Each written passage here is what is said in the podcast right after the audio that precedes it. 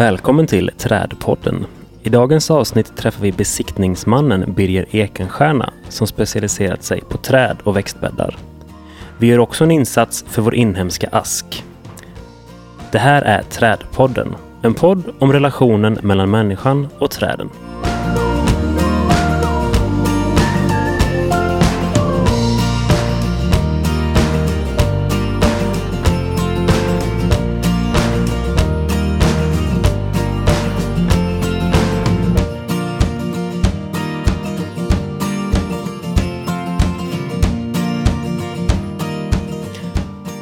Hallå Gustav, nu får du sluta sittdansa. Hallå eller? Hallå, hur är läget? Det är bra. Ja, Ja, den är ju catchy jingeln alltså. ja det är, alltså Magnus, du är en stjärna. Behöver ni en jingel någon gång så Ja. leta upp Magnus Flow Music. Ja. Han fixar biffen. Ja, jag hoppas ni känner samma pepp som vi känner varje gång vi spelar jingeln. ja, men det kan vi faktiskt säga. Det är ju när vi ska dra igång en inspelning så, ja men vi kör och sen så bara, men det är något som fattas. Ja, jingeln, kör Mm. jingeln. Och så Ja, precis. Även om gnistan. vi skulle inte behöva lyssna på den, men vi måste höra Ja. den för, för att få feeling. Och jag sitter i någon form av lite gungstol här så jag, Ja.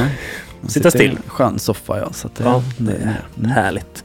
Hur är läget? Allt bra sen sist? Ja, det är jättebra. Ja. Eh, Jag har hållit i lite seminarier, jag har pratat inför folk, det är kul. Mm. Kul. Dels så hade vi en eh, trädplanteringsworkshop som anordnades av Svenska trädföreningen. Ja. Tips, eh, de anordnar dem lite här och var runt om i landet, Mm. eh, flertal tillfällen per år. Eh, Så om man är medlem i föreningen så är det bara att haka på. Skitkul alltså. Mm. Just det roligaste den dagen var egentligen att vi, liksom, vi pratade mycket om, om plantering och om drift, om träd och eh, i slutet av dagen så skulle vi då plantera ett träd tillsammans där jag skulle hålla i det. Eh, och jag fick ju ganska snabbt erkänna där liksom att ja, okej, nu ska jag visa er hur man planterar träd. Mm. Eh, fast jag får erkänna då, jag har planterat kanske ett 30-tal träd i mitt liv eller något sånt, alltså lite större, större modell. Ehm, men men jag, jag tipsar ju folk om hur man ska göra. Mm. Men det det var ju, då var det ju liksom upp till bevis. Och kom in jättemycket input från de andra som tittade på och jag tyckte vi fick en bra liksom, diskussion och kom fram till jäkligt bra saker. Ja.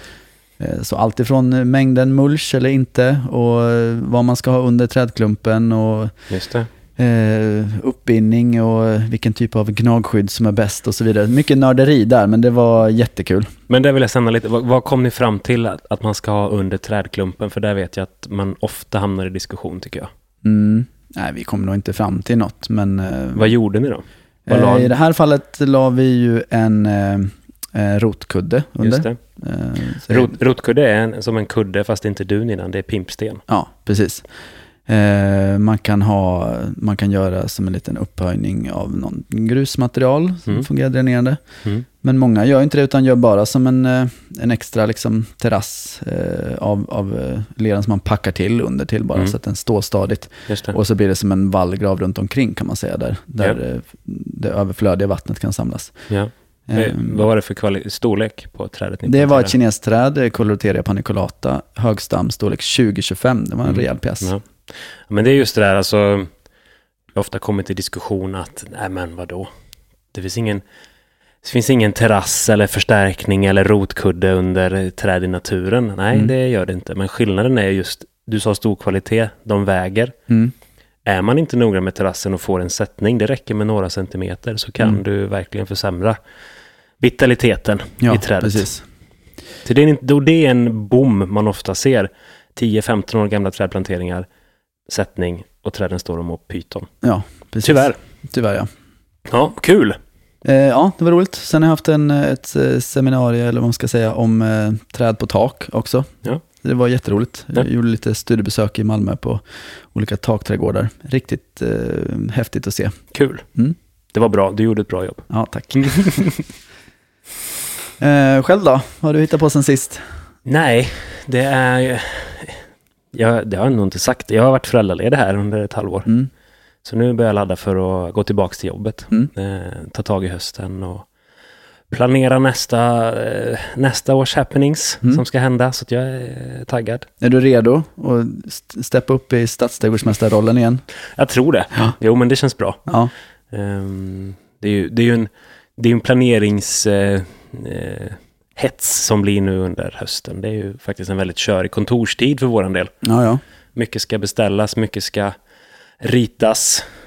Eh, säsongsväxter ska beställas. Mm, Mycket träd ska ner i backen. mm. Ehm, nej, så jag är taggad. Ja, vad bra. Trädpodden vill tacka vår sponsor Berg och landskap. De tar hand om er utemiljö från första penndraget till sista spadtaget. Vill du veta mer om Berg och landskaps tjänster? Gå in på bergochlandskap.se. Tack Berg och landskap. Utan ert stöd hade vi inte kunnat göra Trädpodden.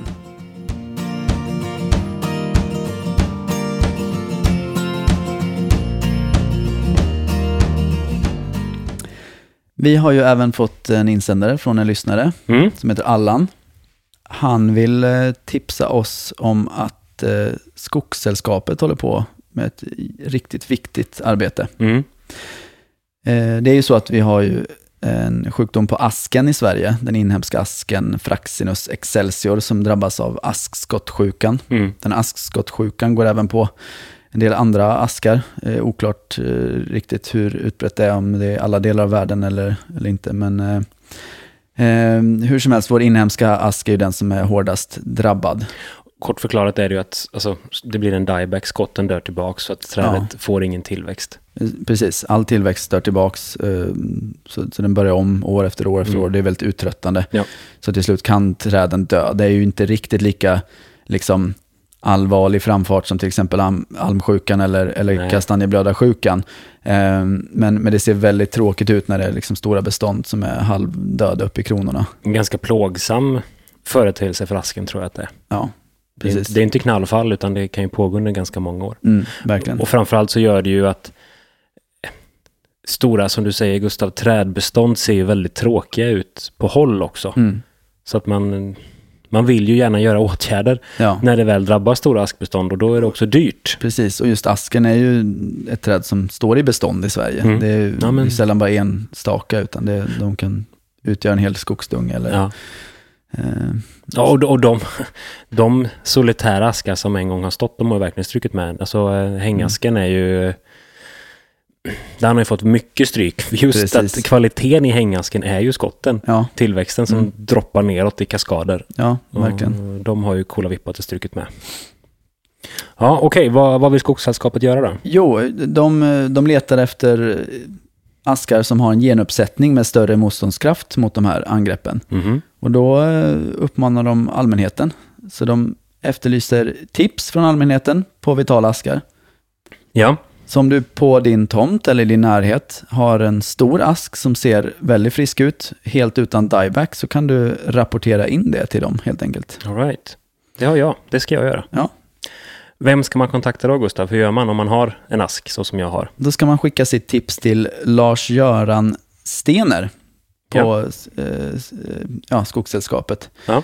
Ehm, vi kan lägga upp en länk till den här artikeln, där hittar man hans kontaktuppgifter. Just det. Ehm, men det är alltså Skogssällskapet som, som håller på med det här. Och kriterierna var alltså, du ska ha en ask som är frisk, eh, den ska inte ha någon eh, dieback, alltså på svenska tillbaka död. Mm, precis.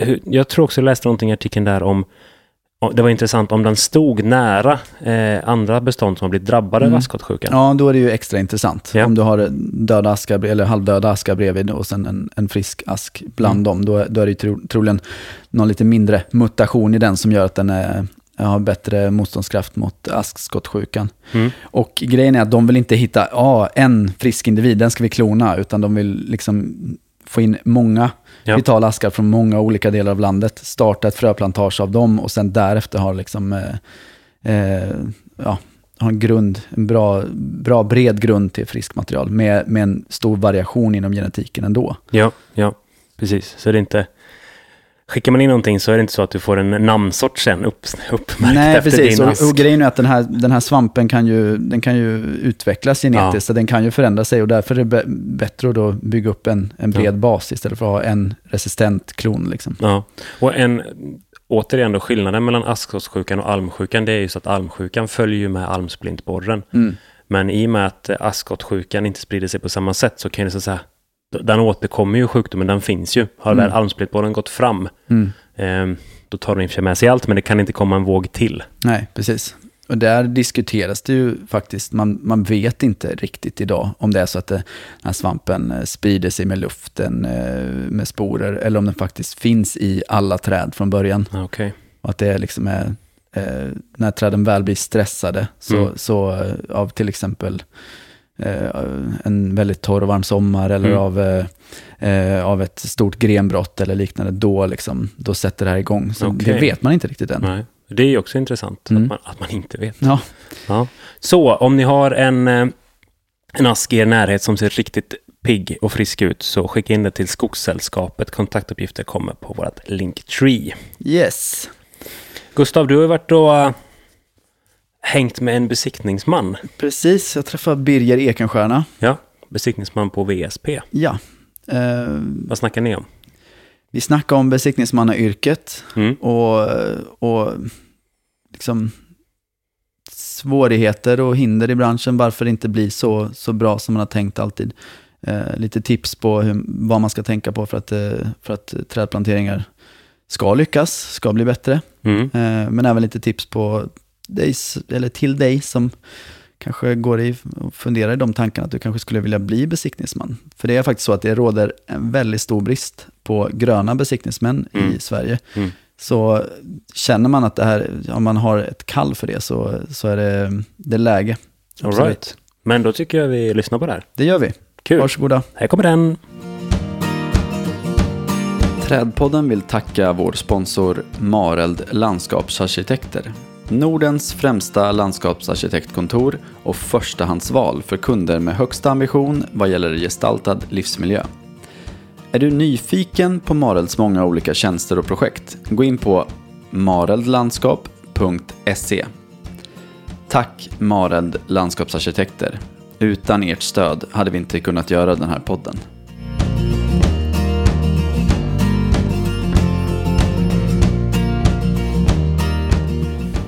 Ja, då sitter jag här med eh, Birger Ekenstierna som jobbar som eh, besiktningsman på VSB. Eh, Vi är i Helsingborg just nu. Den här intervjun görs i augusti 2019. Hej Birger, välkommen. Hej Gustav. Vad roligt att du kunde vara med och att du vill ställa upp vara med på den här intervjun. Ja, jag är det är på min sida. Det är väldigt roligt att få vara med.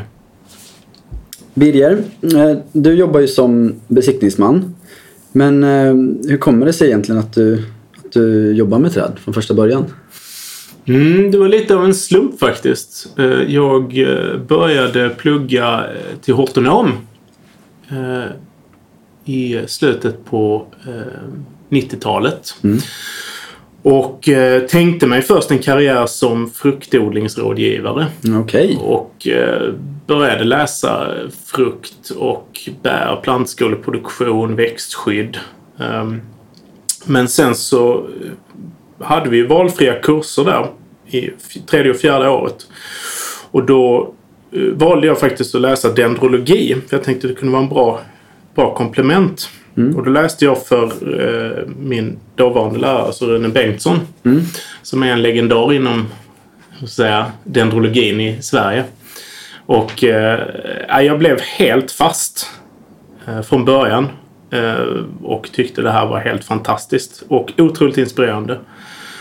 Och sen i samband med det så träffade jag också min blivande fru som eh, också läste till hortonom och också var inne på träd. Så att jag fick eh, dubbel input där.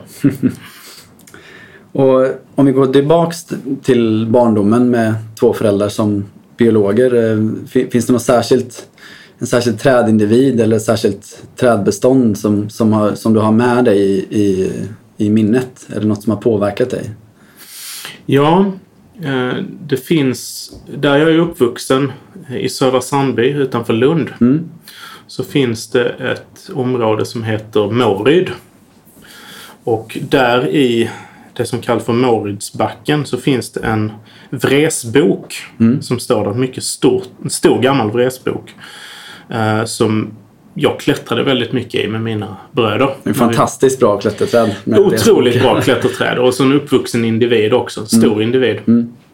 Och eh, en sån här gammalt knotigt träd som inspirerade väldigt mycket till fantasi. Så det är ett träd jag kommer väldigt mycket ihåg Ja. från barndomen. Det är, mm, den platsen där kring Torne-Hällestad och Södra det måste ju vara Sveriges tätaste bestånd av resbokar. Det finns ett ganska stort antal där. Ja, jag har förstått det. Jag, jag och Rune Bengtsson vi hade en diskussion om det där eh, vid något tillfälle. Jag tror han sa att det är någonting speciellt för det här bokbeståndet som sträcker sig alltså från då Romelåsens södra utlöpare till då upp mot eh, Kullaberg eh, och upp mot Hallandsåsen. Att det är, det är ett bestånd där som ger ett utslag i bland frö, fröna som, som släpps då från de här bokarna. Så ger ett, ett utslag av vresbokar som är större generellt. Det är jättespännande. Precis, och sen så just i och med att det är så vanligt förekommande så är de här vresbokarna har ju de bevarats eftersom de är annorlunda. Ja. Jag tror att man, man som skogsförvaltare känner en viss, eh, vad ska vi säga, även om de inte blir någon, någon, någon virke att tala om utan, utan snarare kanske ett, ett, eh, ett estetiskt inslag då i, beståndet så ja, tror jag nog att det bevaras. finns det ju lite mystik kring det också. Det, det är verkligen, eh, de, är ju trollska på något sätt. Verkligen. Ehm, ditt intresse för växter, alltså du, du har ändå valt uh, hortonomutbildningen så det, det kanske baserar sig i någon tidigare Mm. eh, erfarenhet eller tidigare del av livet. Hur, hur började ditt eh, intresse för, eh, för växter överhuvudtaget? Mm. Mi- Mitt, mitt naturintresse har nog alltid funnits där. Ehm, jag är ju uppvuxen med, båda mina föräldrar är i grund och botten biologilärare och har ett väldigt stort naturintresse så jag har fått det med modersmjölken om man säger så. Ja. Så alltid varit mycket ute i skog och mark och eh, arbetat väldigt mycket med eh, hemmet och sådär. Med, fått, fått inspiration utav, av- med trädgård då. Ehm, men eh, eh, intresset för, för just växter och hortikultur det kom sig nog av, av att jag eh, ville kombinera då biologin med ett, ett ganska stort intresse för mat. Ja. Och eh, samtidigt då som min, min gymnasielärare, då, min klassföreståndare, sa i samband med att vi skulle välja utbildning att ta och titta på SLU och deras utbildningar. Var inte rädda för om det står Sveriges lantbruksuniversitet för det handlar väldigt, eller begränsat om lantbruk, det är så mycket mer. Så att då gav jag dem en chans och fick då tipset att ja men gillar du biologi och mat då ska du bli hortonom. ja. Så att eh, det var det jag sökte in till kom in och ja, men kände ändå att det var, det var, det var rätt från, från första början. Nej, det låter ändå som att du har hamnat eh, väldigt rätt. Ja, sen är, ju, sen är det ju inte mat nu jag sysslar Nej, med så precis. mycket. Nu är det något helt annat. Utan nu är det, nu är det mer åt, åt eh, entreprenadhållet och trädhållet. Hur, hur tog, den, tog det sig den banan då? Att du, Jag, jag gjorde ju mitt exjobb för Äppelriket Österlen eh, och eh, gjorde en, en odlarstudie kan man säga.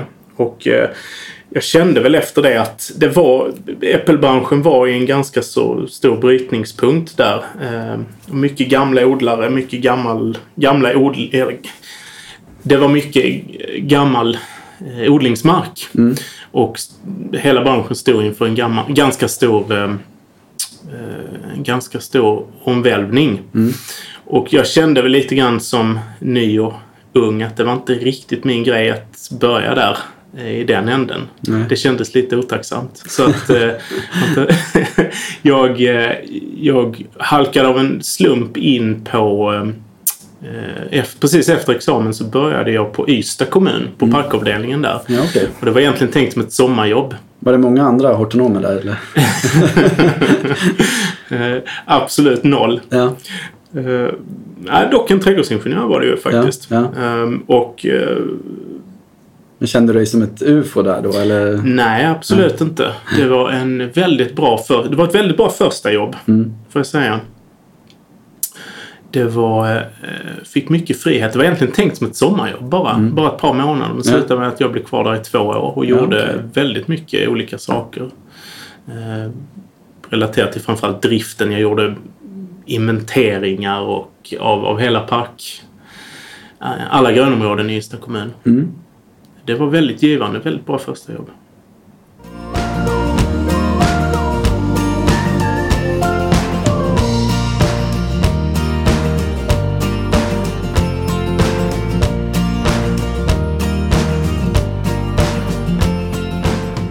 Då ringde Ängelholm som jag hade jobbat lite grann hos tidigare, bara kort. Mm. Jag hjälpte dem att ta fram en upphandling då om grönyteskötsel. Och ringde och då hade deras parkingenjör slitit av sig hälsenan och de behövde en vikarie omedelbart. Så att jag, jag hoppade på det tåget. Eh, Tur för dig, otur för parkingenjören. Exakt. Men eh, där blev jag kvar i nästan nio år Mm. eh, i olika roller. Först som parkingenjör och sen som arbetsledare då för eh, det var en omorganisation där så att det delades upp i, i eh, beställare och utförarenhet då. Så jag hamnade på utförarenheten som heter intraprenad, det gör det fortfarande idag. Och eh, jobbade där i ja, som arbetsledare i fem år. Mot slutet då, jag hade lite föräldrar, föräldraledighetsuppehåll, så var jag väl lite grann med i rollen som internkonsult mot slutet där. Att jag utförde lite uppdrag åt beställarna. Så där började du känna av lite här konsult...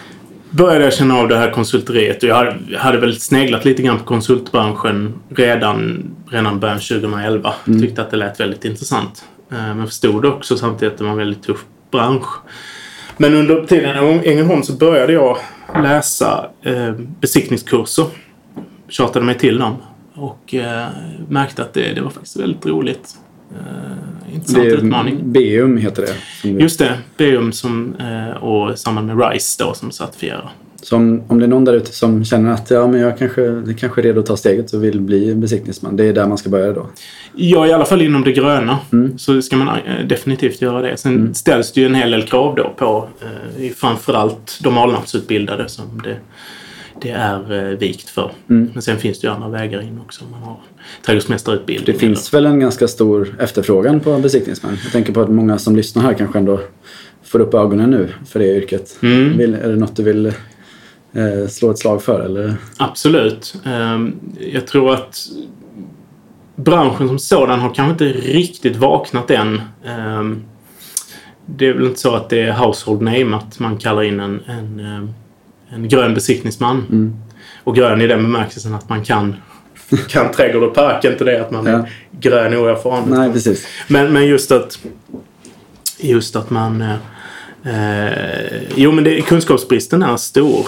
Sen är ju problemet där att besiktningar görs oft, oftast är det ju de entreprenader som besiktigas är ju då väldigt små. Eh, vilket gör att det gröna är kanske ännu mindre. Eh, vilket gör att besiktningsmännen som kommer in då, det, de kanske tar det gröna i förbigående och tycker att ja, men det ser bra ut ändå. Det är några växter som är nedtryckt, ja det ser rätt ut. Men de har egentligen ingen kunskap att bedöma det. Så att behovet är stort. Eh, sen är kanske efterfrågan än så länge kanske inte så stor som jag tycker den borde vara. Nej. Men hur ser en eh, normal arbetsdag ut för dig då? Vad, vad, vad gör du i, i din roll som besiktningsman? Besiktningen går oftast till så att eh, jag får då ett uppdrag av en beställare som vill ha en entreprenad, ett kvitto på att en entreprenad är utförd enligt handlingarna och enligt branschpraxis. Och då är det som så att då får jag oftast handlingar då till en början, ritningar, kanske entreprenadkontrakt. Och läser in mig på det och ser så att ja, men det ser bra ut eller det finns kanske vissa vissa frågetecken här då. Och sen så kan det vara att de beställaren bestämmer ett datum eller att jag bestämmer ett datum. Och så träffas representanter för entreprenören, eh, för beställaren och kanske ytterligare några. Och eh, så går vi runt och tittar på entreprenaden och jag lämnar ett utlåtande då. Eh, ett skriftligt utlåtande på om det är korrekt utfört. Det är alltså ett kvitto på både för entreprenören och för beställaren att det är gjort på ett korrekt sätt. Kan man eh, lite slarvigt säga att du går runt och letar fel? Mm. Mm. Det kan man absolut göra. Ehm, Det blir ju det. För skulle det inte finnas några fel så skulle inte min yrkesroll behövas. Så visst, det blir ju väldigt mycket fokus på fel. Ja. Det blir det ju. För avvikelser och brister.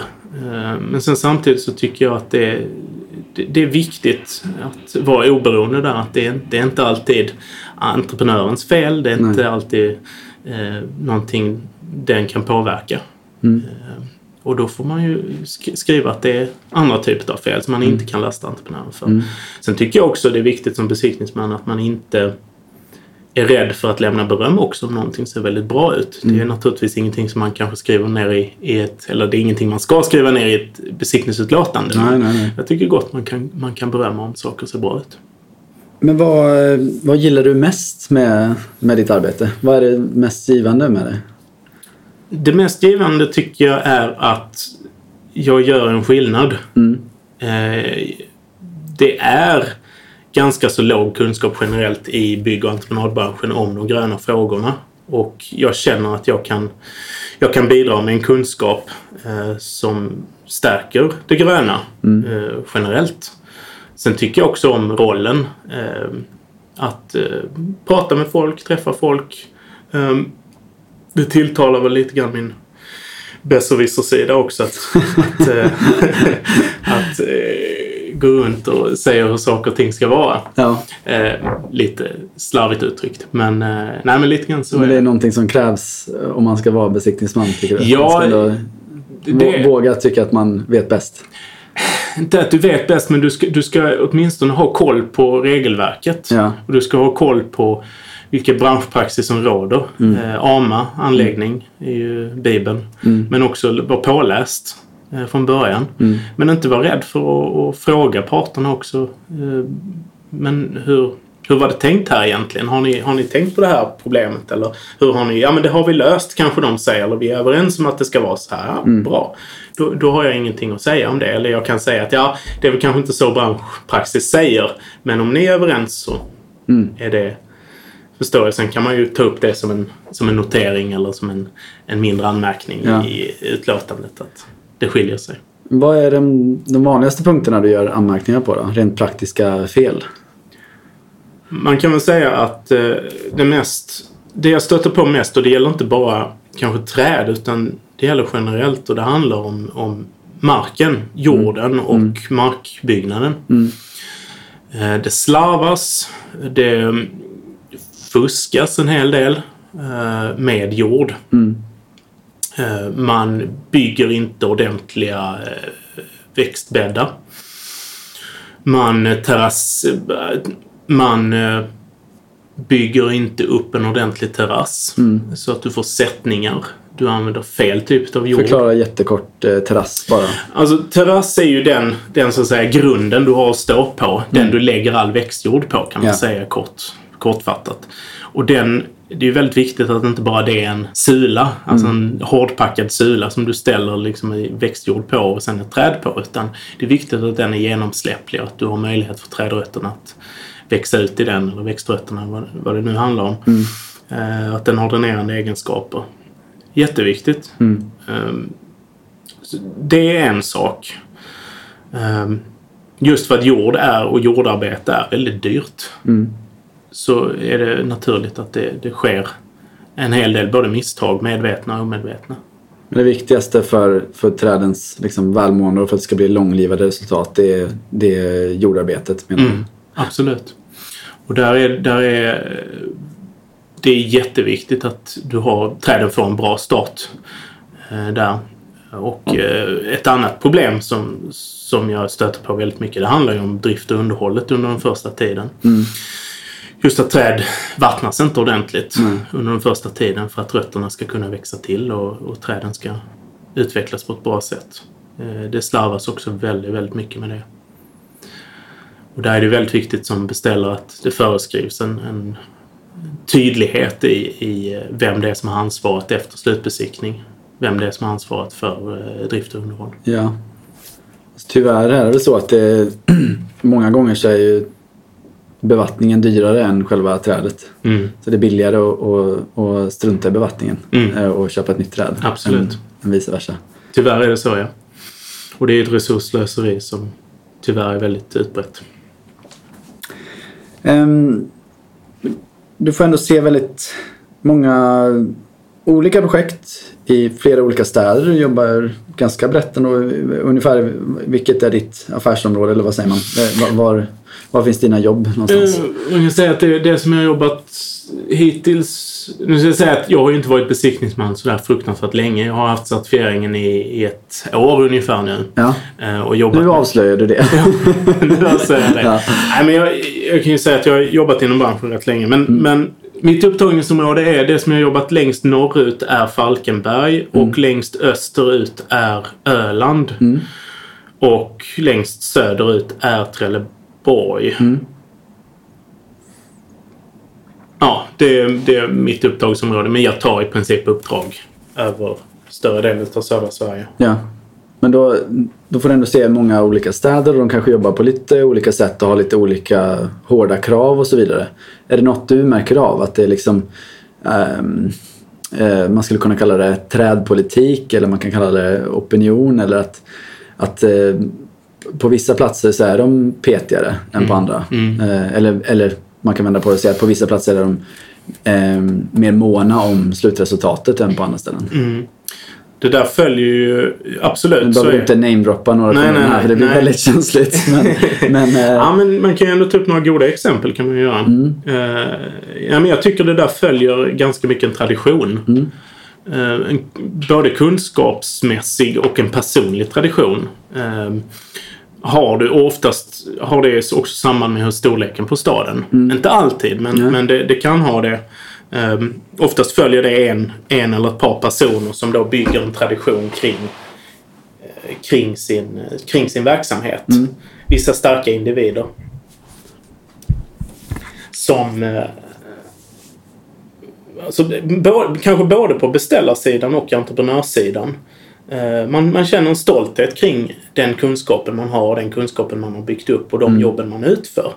Ehm, och, och samtidigt då, som då du kan jämföra med en mindre kommun där det kanske är en eller högst två som är högre utbildade inom trädgård. Eh, Eller, har, eller för den delen har kunskap eller en djupare kunskap om eh, träd. Ehm, så, så blir det ganska ensamt när du bara är en person. Du måste antingen slåss väldigt hårt för din sak för att eh, i många fall så ses träd som de där irriterande grönsakerna som står i vägen för eh, VA-ledningar och fiberledningar och vägar och allting sånt och som helst ska, ja de ska helst växa på något annat ställe och inte vara i vägen. Det kan vi ju passa på att nämna för de som inte är insatta i branschen att eh, eh, grönsak är ju liksom ett, ett skällsord för, för träd och buskar. Eh, eh, eller ett, ett öknamn eller vad man ska säga. Mm. för de som inte är intresserade. Eh, Precis. Eh, så, så nej, det, jag, jag märker av att det, det är en skillnad men det har mycket med, med tradition och kunskap mm. att göra. Hur ser du då på, eh, på framtiden? Tror du att det ser ljust på framtiden? Kommer man satsa mer på, på projekten eller, eller eh, förstår du vad jag menar? Mm. Eh, jag ser det som ett absolut måste. Mm. Eh, att det, det, det blir så. Och jag tror också det blir så.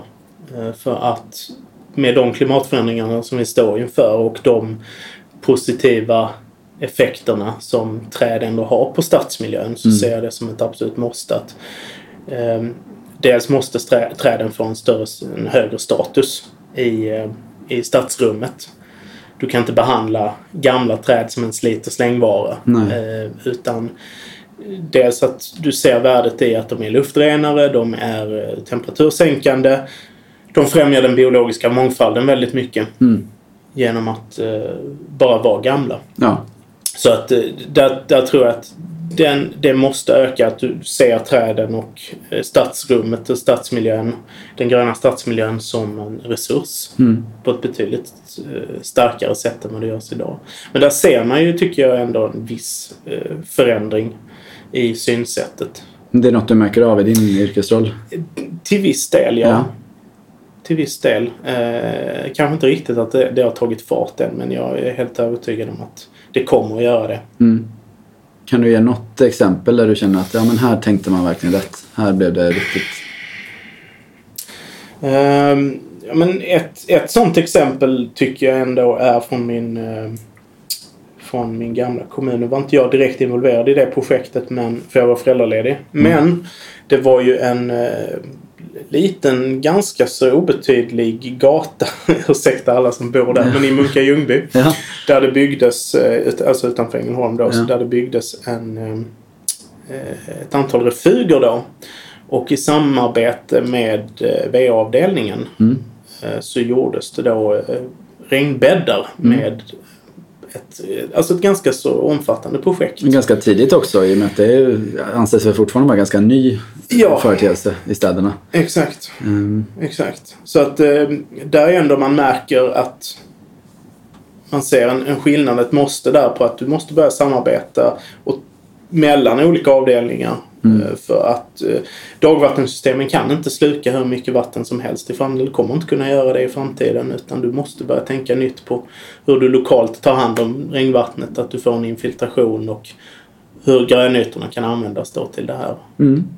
Och hur kan träd användas?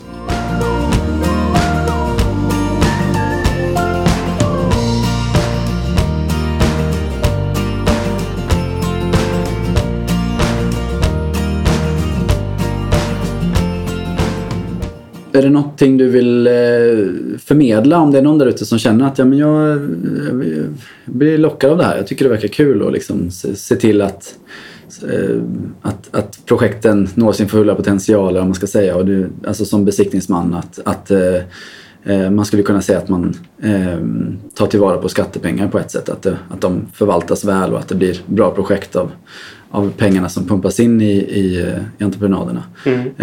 Eh, är det något tips du vill ge till den som är, är nyfiken på din, din sida av branschen? Eller, ehm, Då skulle jag säga så här att eh, gå med på så många besiktningar du kan. Mm. Eh, och det, är ofta, det förekommer väldigt mycket besiktningar. Mm. Eh, och det behöver inte bara vara gröna besiktningar utan det kan vara markbesiktningar, VA-besiktningar, husbesiktningar. Eh, allting för att då får man en känsla för vad det är vad, hur, vad rollen är som besiktningsman och hur en besiktning går till. Mm. Det ger väldigt, väldigt värdefull information. Att tjata dig till att komma med på sådana, då kommer det ge väldigt mycket. Eh, sen också att gå in på beum.se Mm. eh, som är eh, eh, besiktningsmän utemiljö står det ju då för. ja. Och eh, titta in där på de kurserna som ges. Eh, det är ett bra sätt. Är det något man kan göra privat eller är det, det du rekommenderar att man går via en arbetsgivare? Det gör jag. Det, kostnaden är ju... eh, Den är ju inte enorm, men det, det är ju ett antal tusen att läsa en, Ja. en sån kurs. Mm. Så att eh, jag rekommenderar nog absolut en arbetsgivare eller om man är en egen, egen firma då att man kan ta det på firman då. Så Mm. Nej men det, det, det är bra tips och sen också att eh, studera handlingar. Studera AMA Mm. eh, och eh, titta på ritningar. Kanske begära ut lite ritningar från kommande entreprenader. Mm. Och eh, kolla på slutresultatet. Hur blev det egentligen? Ja. Blev det som det var tänkt? För du är väl ganska färgad av det, alltså av slutresultat. hur, eh, hur är det att som besiktningsman gå runt i staden rent privat liksom? Eh, Ja, det, det, det, du behöver nog inte vara besiktningsman. Det räcker nog med att du är, du är allmänt trädgårds eller trädintresserad. Mm. Så tror jag att du går och, och tittar med andra glasögon Mm. på saker och ting. Och så gör även jag. Ehm, Så det, det, det är nog någonting bara du får ta. Helt Eh, enkelt. Ja. Med dig. Det är nog ingenting du kan göra åt. Nej, du har lätt för att hitta fel. Oh ja. jag. Oh ja. Min fru brukar säga jobba inte! Men om vi återvänder till dig eh, privat här. För det här, nu kommer vi liksom... eh, Nu blir du ställd mot väggen här. Mm. Eh, Nu är det upp till bevis. Vilket var det senaste trädet du planterade? Mm. Eh, får jag nämna två? Ja, absolut. Det går bra. Jo, men vi, jag har hört en ganska rolig sägning eh, om eh, skillnaden mellan landskapsarkitekter och hortonomer. Mm. Hortonom som jag är då.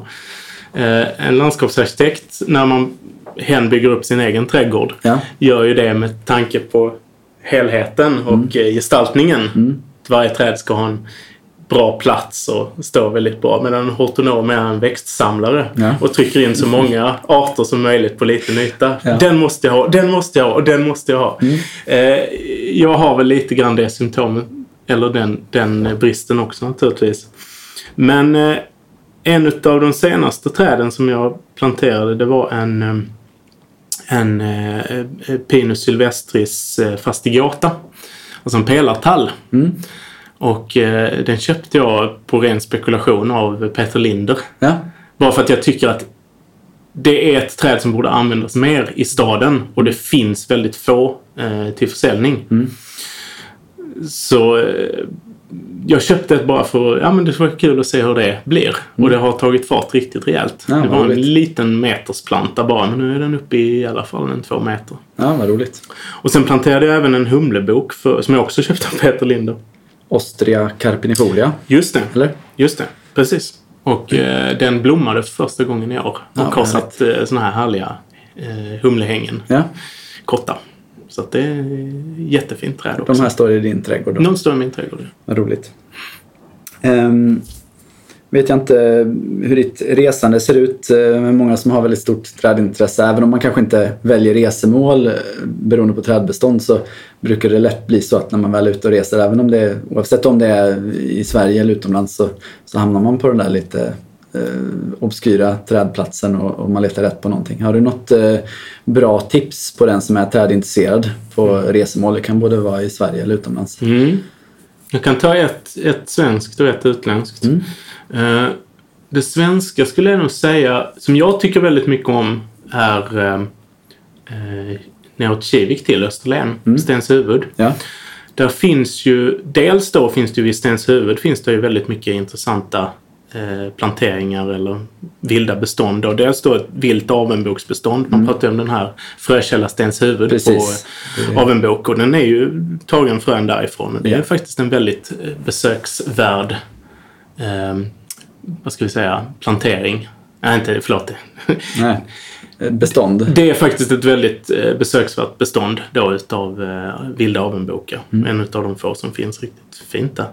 Eh, och, eh, så det rekommenderar jag. Där finns ju även Kiviks Esperöds arboretum som är väldigt fint och finns om man kör bakvägen, alltså inte den stora, stora infarten mot Stenshuvud utan man tar och kör via musteriet. Så ligger där eh, en nedlagd gammal plantskola där det finns jättefina uppvuxna exemplar utav eh, tsuga och eh, tyopsis och andra cypressväxter också som är väldigt, väldigt trollskt Ja, vad roligt. där. Så det kan jag varmt rekommendera om man har en lite annorlunda. Om man är villig att åka lite längre bort då? Ja, just det. Då, nu, nu tror jag var det Edith som nämnde Skottland Ja. i en tidigare, tidigare avsnitt. Ja, exakt. Eh, jag blev lite sur på Hon tog din idé, Hon tog min idé där. Men eh, nej då, det ska jag inte säga. För jag skulle säga Irland. Mm. Eh, det kallas ju för den gröna ön. Och det är med rätta. Det känns som att det är som Sverige fast lite, lite bättre. Rent hort- hortikulturellt. Ja. Där finns ju både alltså ska vi säga, lite mer exoter Mm. eh, som de kan, faktiskt kan få stora. Och där är många sådana här gamla slott och, och eh, herrgårdar som faktiskt, en del är, är faktiskt öppna också för besök. Mm. Och eh, jag minns ett ställe som jag har glömt vad det hette nu men eh, där det var en jättefin eh, Araucaria-allé. Ja.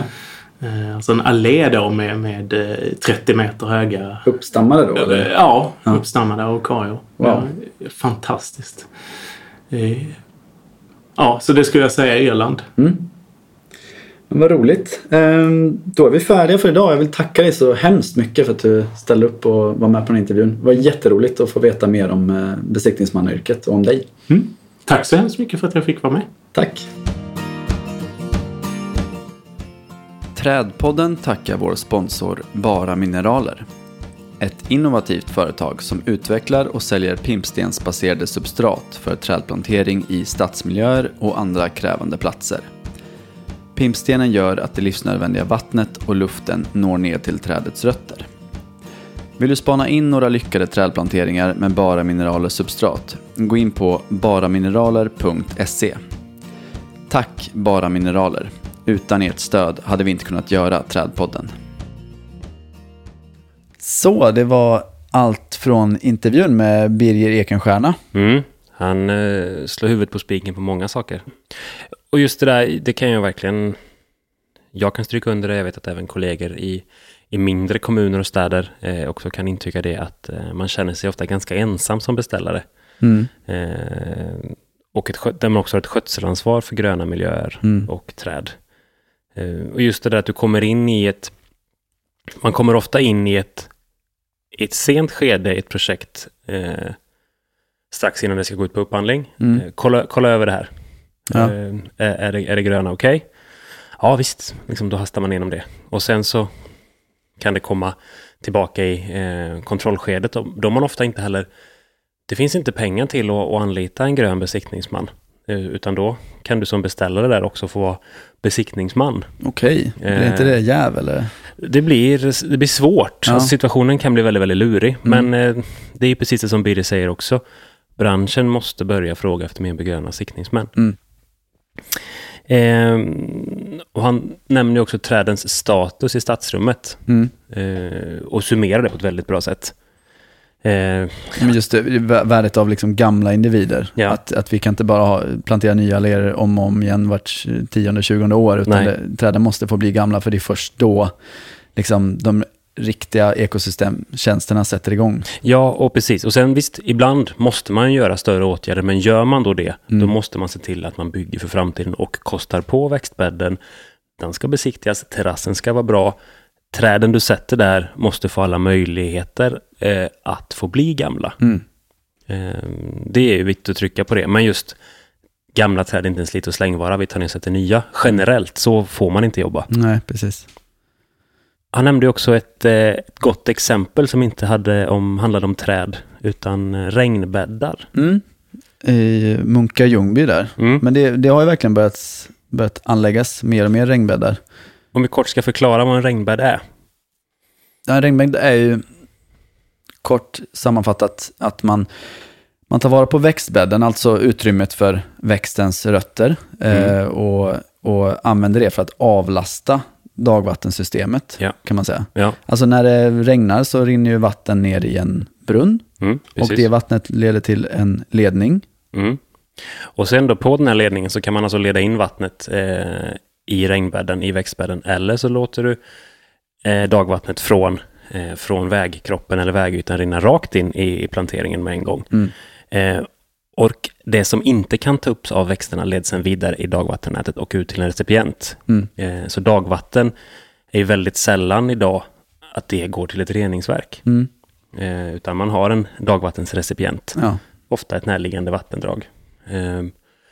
Och vid väldigt stora lokala eh, nederbördsmängder så svämmar det här ju såklart över. Mm. Så vi För måste... ledningarna kan, de har inte kapacitet för allt vatten som kommer helt enkelt. Och det, och det är då man ser det här att, att eh, eh, br- dagvattenbrunnarna står upp Ja. och det, rinner, det kommer ut vatten ur Ja. dagvatten. Det är ju för att ledningarna är alldeles fulla. Ja, så antingen får du eh, översvämningar, alltså där du har regnvattenbrunnen, det går inte in något vatten, eller så får du översvämning i recipienten, alltså i den närliggande, det närliggande vattendraget. Mm. Och då, genom att anlägga regnbäddar eh, på, eller i vattnets kretslopp, så kan vi också fördröja volymen vatten som ska fram. Precis. Eh, Och uppe på det så finns det också en, eh, en fungerande effekt i regnbäddar som är att eh, en, en folla eller en fångstgrop för partiklar och gifter som vi inte vill släppa vidare. Mm. Då kan ju faktiskt växterna binda det. Precis. Man kan också blanda i biokol Mm. numera som man laddar upp med farliga partiklar. Eh, näringsämnen. Jag vet, eh, det största pågående projektet i, i Sverige just nu är ju Neptunigatan i Malmö. Där, man, Okej. där, där regnbäddarna, eller dagvattenbäddarna skulle man väl kunna kalla dem, eh, Mm. tar hand om precis allt spillvatten. Allt vatten som hamnar på vägen eh, rinner sedan ner i en bädd och filtreras genom den bädden. Eh, och ska komma ut hyfsat, eller väldigt mycket renare helt enkelt. Ja. Och i den bädden är inte, det är inte bara eh, det finns ju vedartade växter där med. Mm. Det är inte Ja, bara ja. örtartade. Nej, nej, absolut inte. Utan det är, och det är ju de vedartade som gör störst skillnad där. Mm. Alltså träden och buskarna. Mm. Eh, Det är ju de som har kapacitet att verkligen förbruka en hel del av det här vattnet också. Ja. Eh, sen ska man ju inte tro att de här växterna dricker upp allting, utan det är långt ifrån. Men, men, eh, men har man en fördröjning och växtbädden liksom blir fylld med vatten så, så ska ju växterna ha möjlighet att, att förbruka det vattnet. Mm. Ja, men det, ja, det var ett bra tips. Eh, och regnbäddar tror jag verkligen kommer öka efterfrågan på. Mm, ja, vi ser ju många kommuner som, där, där det i princip inte är tillåtet att, att göra en refug eller en, en plantering nära en väg utan att, utan att den ska fungera som regnbädd. Mm. Och sen kan man också, eh, om man vill minska parkeringar i, i vissa områden, Mm. så är det med fördel att man kan göra om en, två, tre parkeringsplatser till regnbäddar. Precis. Eh, Så det, det är intressant och spännande. Birger sa ju också en, en ganska rolig spaning. Eh, man skulle kunna kalla den Vart bor hortonomen och vart bor landskapsarkitekten? Ja. Det hur, hur ser det ut i din trädgård Anton? Är du, är du landskapsarkitekt eller hortonom om man ser till din trädgård? Eh, Jag är nog på landskapsarkitektsidan. Ja, jag kan verkligen se mig framför dig att du liksom håller fram två händer och kollar vinklar och liksom går och kollar från alla håll och kanter och planerar hur skuggan ska falla och Det är ju ganska vanligt att jag köpte träd och så ställer jag det på ett speciellt ställe i väntan på att jag ska kunna plantera det. mm, Och så provar jag det i lite olika eh, ljus, mm, lite olika vinklar. Ehm, Då involverar jag ofta någon annan som får stå och hålla trädet och så Mm. springer vi runt och så kikar vi och så. Eh, ja, men jag, jag tycker det är lite, det, det är kul. Eh, det är kul att jobba med rumslighet. mm, Och det är... Ett tag hade vi fredagsplantering. Mm. Så när man kom hem från jobbet, nu ska vi plantera träd. Och så gick man och hämtade ett träd. Och så sätter man det någonstans. mm. Så att det är Du inte... har liksom ett lag som står på vänt. Just nu är det lite tomt i laget. Det är ganska mycket mm, plantor som står på tillväxt från frö som Ja. jag har drivit upp. Men det är inte läge att sätta ut dem än. Ja, jag det tillhör hos nog, dig? ja, jag tillhör nog hortonom-delen där i så fall, även om jag är trädgårdsingenjör. Collect them all. Ja, men ja, nu har jag alldeles för liten trädgård för att verkligen kunna kalla mig en trädsamlare, men, men det är ju så att får jag tag på någonting så, så stoppar jag ner det på första bästa plats i trädgården. Ja, just det. Det är inte så Ehm. kinkigt ner med det bara. Nej, men lite så, Ja. absolut. Eh, men eh, jag tänkte vi skulle kunna ha en liten, eh, försöka i alla fall en liten uppmaning till eh, lyssnarna här och skicka in eh, bilder. Och, Mm. eh, antingen på sina trädgårdar eller om man eh, smygfotar någon annans. Och, och bara med, eh, med den tanken liksom. Jag, är jag, det, jag är det en tänker på- växtsamlare eller är det en, en estet? ja, exakt. Jag tänker på fördomsprofilen utifrån en, en trädgård. Mm, precis. Det, det är ju lite ja, häftigt. Ja, men absolut. Och då, då taggar du din bild eh, med eh, Trädpodden Ja. på Instagram. Eller så skickar du till oss om du inte vill smutsa ner ditt eget flöde eller hänga ut din granne. Ja, Ehm, så ska vi kika på det. Det, ja, men det var en rolig spaning och jag tror mycket av det stämmer faktiskt, som Ja. Birger säger. verkligen. Han pratade också om några träd som han planterat senast. Mm. Ehm, och då tycker jag att det var lite intressant med eh, Pinus sylvestris fastigiata. Ja, och det stämmer ju som man säger. Den finns ju typ inte på marknaden. Nej, Eh, Jag ska snart eh, ut på en liten växtjaktsresa. Mm. Jag ska hålla ögonen öppna. Ja, gör det. För det är just när man pratar om vad ska vi sätta eh, för stadsträd i våra städer för att få ett bättre klimat till exempel. Mm. Eh, för att få bättre luft. Barrträd, barrträd, barrträd. Mm. Ja, men barrträd lite yviga och lite sådär. Ja, men en, en pelartall är ju ypperligt. Mm. Det skulle jag Perfekt. verkligen eh, vilja sätta på många ställen.